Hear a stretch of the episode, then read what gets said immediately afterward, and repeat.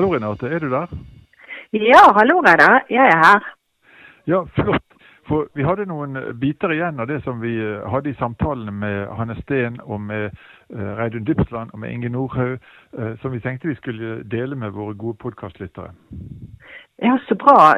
De sa jo en del nyttige ting om det å snakke med barn nå når de kommer tilbake til skolen. Lærerne er sikkert flinke til dette, men kanskje de tar med noen ekstra tips likevel. Ja, det var det vi tenkte. Så vi tok rett og slett og satt sammen et lite knippe av uh, uttalelser som disse tre uh, kom med. Så vi tenkte vi kunne begynne med spesialpedagog Hanne Steen.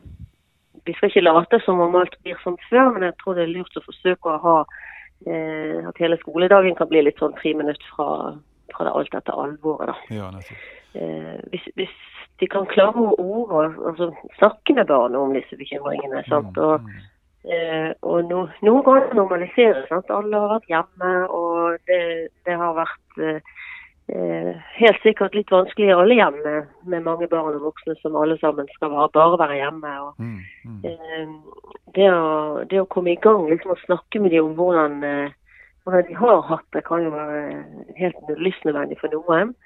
De aller, aller fleste barn i landet vårt i dag de har det jo utrolig bra. Uh, og denne foreldregenerasjonen som vi har i dag, de er jo uh, utrolig uh, gode foreldre. Og ikke minst dette med fedrene som har sin plass i forhold til omsorgen for barn i dag på en helt annen måte. Mm. Men sånn er det klart at disse utsatte barna som jeg gjerne jobber mye med i forhold til vold og overgrep, det er jo en, en liten gruppe i forhold til det store antall barn som har det fint og godt utgangspunktet vårt eh, når vi snakker om hvordan har det vært å være hjemme, hvordan har det vært å ikke få være med vennene sine. Mm. Eh, hvordan har det vært å være de få som har fått tilbud om å gå på skolen. At man eh, er veldig bevisst eh, eh hvordan man ordlegger seg, og, og at det blir satt av tid til å snakke om disse tingene med barna. Nettopp. Eh, jeg tror problemstillingen er viktig å, eh, være bevisst for hver eneste voksen som skal inn og møte barna på skolen. Eh, for hvordan det har vært for de forskjellige, det, det finner meg vel strengt tatt best ut ved å, å spørre barnet. Men, men, hvis vi i utgangspunktet tenker at dette kan ha vært vanskelig, vi vet at noen barn er opptatt av at noen har fått skoletilbud, kanskje kommer de fra et sånt hjem, da? Mm. Eller, eh, eller jobber far eller mor som lege? Sånn, altså det, sånn, her blir litt svart-hvitt uh, i, i, forståelsen av hva som er samfunnskritisk uh, arbeid. Så det å, å, snakke om at mange har fått skoletilbud, og at det er mange foreldre som har vært i arbeid, selv om, selv om ikke de på en måte har jobbet på sykehuset. Sant? Så skolen har vært stengt, men det er mange som har vært i arbeid. og Det å liksom legge inn at det er, det er, nok mange som har fått et tilbud om å gå på skole fordi at foreldrene ikke har hatt tid og anledning til å være hjemme med ja. dem. Og andre har hatt gjerne eldre søsken som har kunnet stille opp, så de har fått vært hjemme. Så, altså det at man på en måte hjelper disse barna til å gå litt inn i en sånn mengde av det er uvisst hvilken grunn man har vært hjemme fra skolen er en veldig viktig kanal. Ikke bare i forhold til dette med læring, men lærerne har jo òg en helt unik mulighet til å oppdage de sårbare barna eller de utsatte barna som, uh, som, trenger noe mer. Det har jo de en helt unik posisjon til å kunne oppdage i klasserommet, og for så vidt også i barnehage.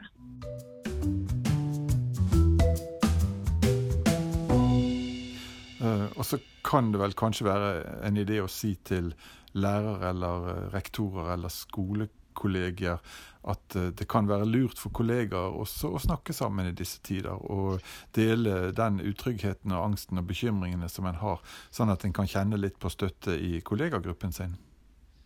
Ja, Dette tror jeg er overordentlig viktig. At dette blir lov å snakke om. Og Det, også, det, det, noen, det kan bli noen forbudte temaer iblant kolleger etter denne hendinga her. Mm. For noen lærere har greid denne situasjonen med eh, fjernlæring på en veldig flott måte. De har, de har blomstra nesten som lærere ved, mm. ved fått kontakter og stått på. Andre som kanskje har vært glimrende lærere til daglig, de har ikke makta helt dette, har ikke fått til det digitale på samme måten. Og sånt. Mm. Og, kanskje, og dette, det å få et språk på noe av det i, i skolemiljøet og gi, gi, åpning for at det kan være ulike opplevelser av den, av den erfaringer man har i dette, dette verktøyet. Mm. Målet er jo likevel at, at, det ikke, at det ikke er den digitale læringa som skal bli sluttresultatet for læringsprosessen. Det skal være i klasserom, og det, det er det som skal utvikles mest. Men at en kanskje kan se på hvordan kan en ta med seg mest mulig av erfaringene for det som har fungert i den situasjonen, inn i, inn, inn i skolene. Men da må man gi rom til begge erfaringene.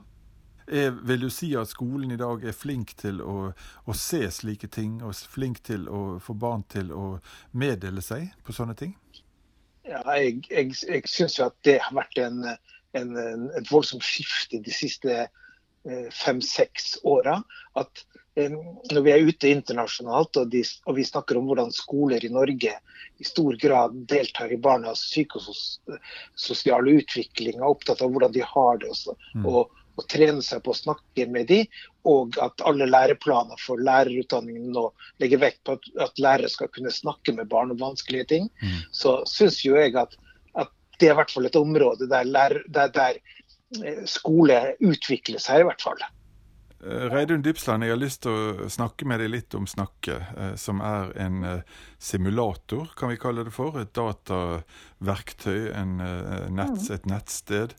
Der man kan gå mm. inn og rett og slett øve seg på å snakke med barn. Og så vet jeg at du har vært aktiv i utviklingen av dette verktøyet. Kan ikke du si litt om det, og i hva grad kan skolefolk, lærere, nyttiggjøre seg denne nå i den aktuelle situasjonen? Mm. Ja, det er jo da en webplattform som har adresse snakkemedbarn.no. Der er det som du sier en uh, simulator hvor du kan gå inn i rollen som voksen. Og så kan du velge det barnet du vil snakke med. Der har vi barn i ulike aldre. Både barnehagebarn og skolebarn på ulike klassetrinn. Og her kan du gå inn da i rollen som uh, f.eks. lærer Og så øve deg på samtalen. Da får du opp tre ulike alternativer som du skal velge mellom. Og så får du umiddelbar respons eh, fra barnet på hvordan dette går. Og du får da opp en eh, beskjed på om uh, hvordan dette går, og du får muligheten til å prøve det på nytt hvis samtalen uh, ble lukket, slik at ikke du får barnet mer i tale. Så dette er en, en utrolig god måte å øve seg på samtalen med barn. Så særlig hvis du vet at du nå skal ha eh, Kanskje fremkommer det noe i klasserommet som gjør at du skal tilrettelegge for en samtale med en av elevene. Og da kan det være lurt at du på forhånd har øvd i denne simulatoren, som gir eh, ganske god eh, læringseffekt eh, som du kan ta med deg i en samtale videre. Så ja. det vil jeg absolutt anbefale. Veldig bra. Mm. Ja, Den har fått god omtale, forstår jeg. Ja, den er blitt tatt veldig godt imot. Og i denne koronatiden vi nå har vært inne i, så har den vært tatt i bruk, bruk eh, på en slik måte at tallene virkelig har eh, steget til himmels i forhold til antall brukere. Fantastisk. Veldig bra. Mm. Ja. Um, jeg lurer på om kanskje mange lærere sitter og føler nå på at uh, når nå elevene er tilbake igjen, og særlig når de skal ha enesamtale med uh, elever, uh, så hviler det et ansvar på dem å på en måte hjelpe de elevene som kanskje har hatt det tungt hjemme. Ehm, hva vil du si til de lærerne som nå føler at nå må de få tak i alt det vanskelige som har skjedd, nå må de løse alle flokene, nå må de hjelpe alle til å få et bedre liv? Mm. Jeg tenker Det viktigste, absolutt det viktigste for læreren er å være en nær person for eleven. En som våger å lytte, en som våger å nøste i de ledetråder barn eh, legger ut til læreren sin. En som våger eh, rett og slett bare å lene seg frem i møte med barnet. Mm. Og vise at jeg er en som tåler å høre. Jeg tenker ikke at læreren skal tenke at de skal revolusjonere verden for barn, eller det er de som skal ordne opp, eller det er de som skal hjelpe. Jeg tenker at den hjelpen de gir er fabelaktig for barn, bare å bli sett og hørt og, og føle at læreren bryr seg. Og at man våger å være seg selv mye mer enn at man tenker at man skal gjøre det på helt rett måte. For slik rett måte finnes egentlig ikke. Det viktigste er at du har relasjon til eleven, og at du våger å tematisere også det vanskeligste. Det er til stor hjelp for barnet. Jeg snakker så ofte om foreldre som ikke strekker til, men jeg ser jo rundt omkring hva mye godt foreldreskap som har blitt utløst i denne tida. Ja. Det har vært imponerende å legge merke til. Ja, nettopp.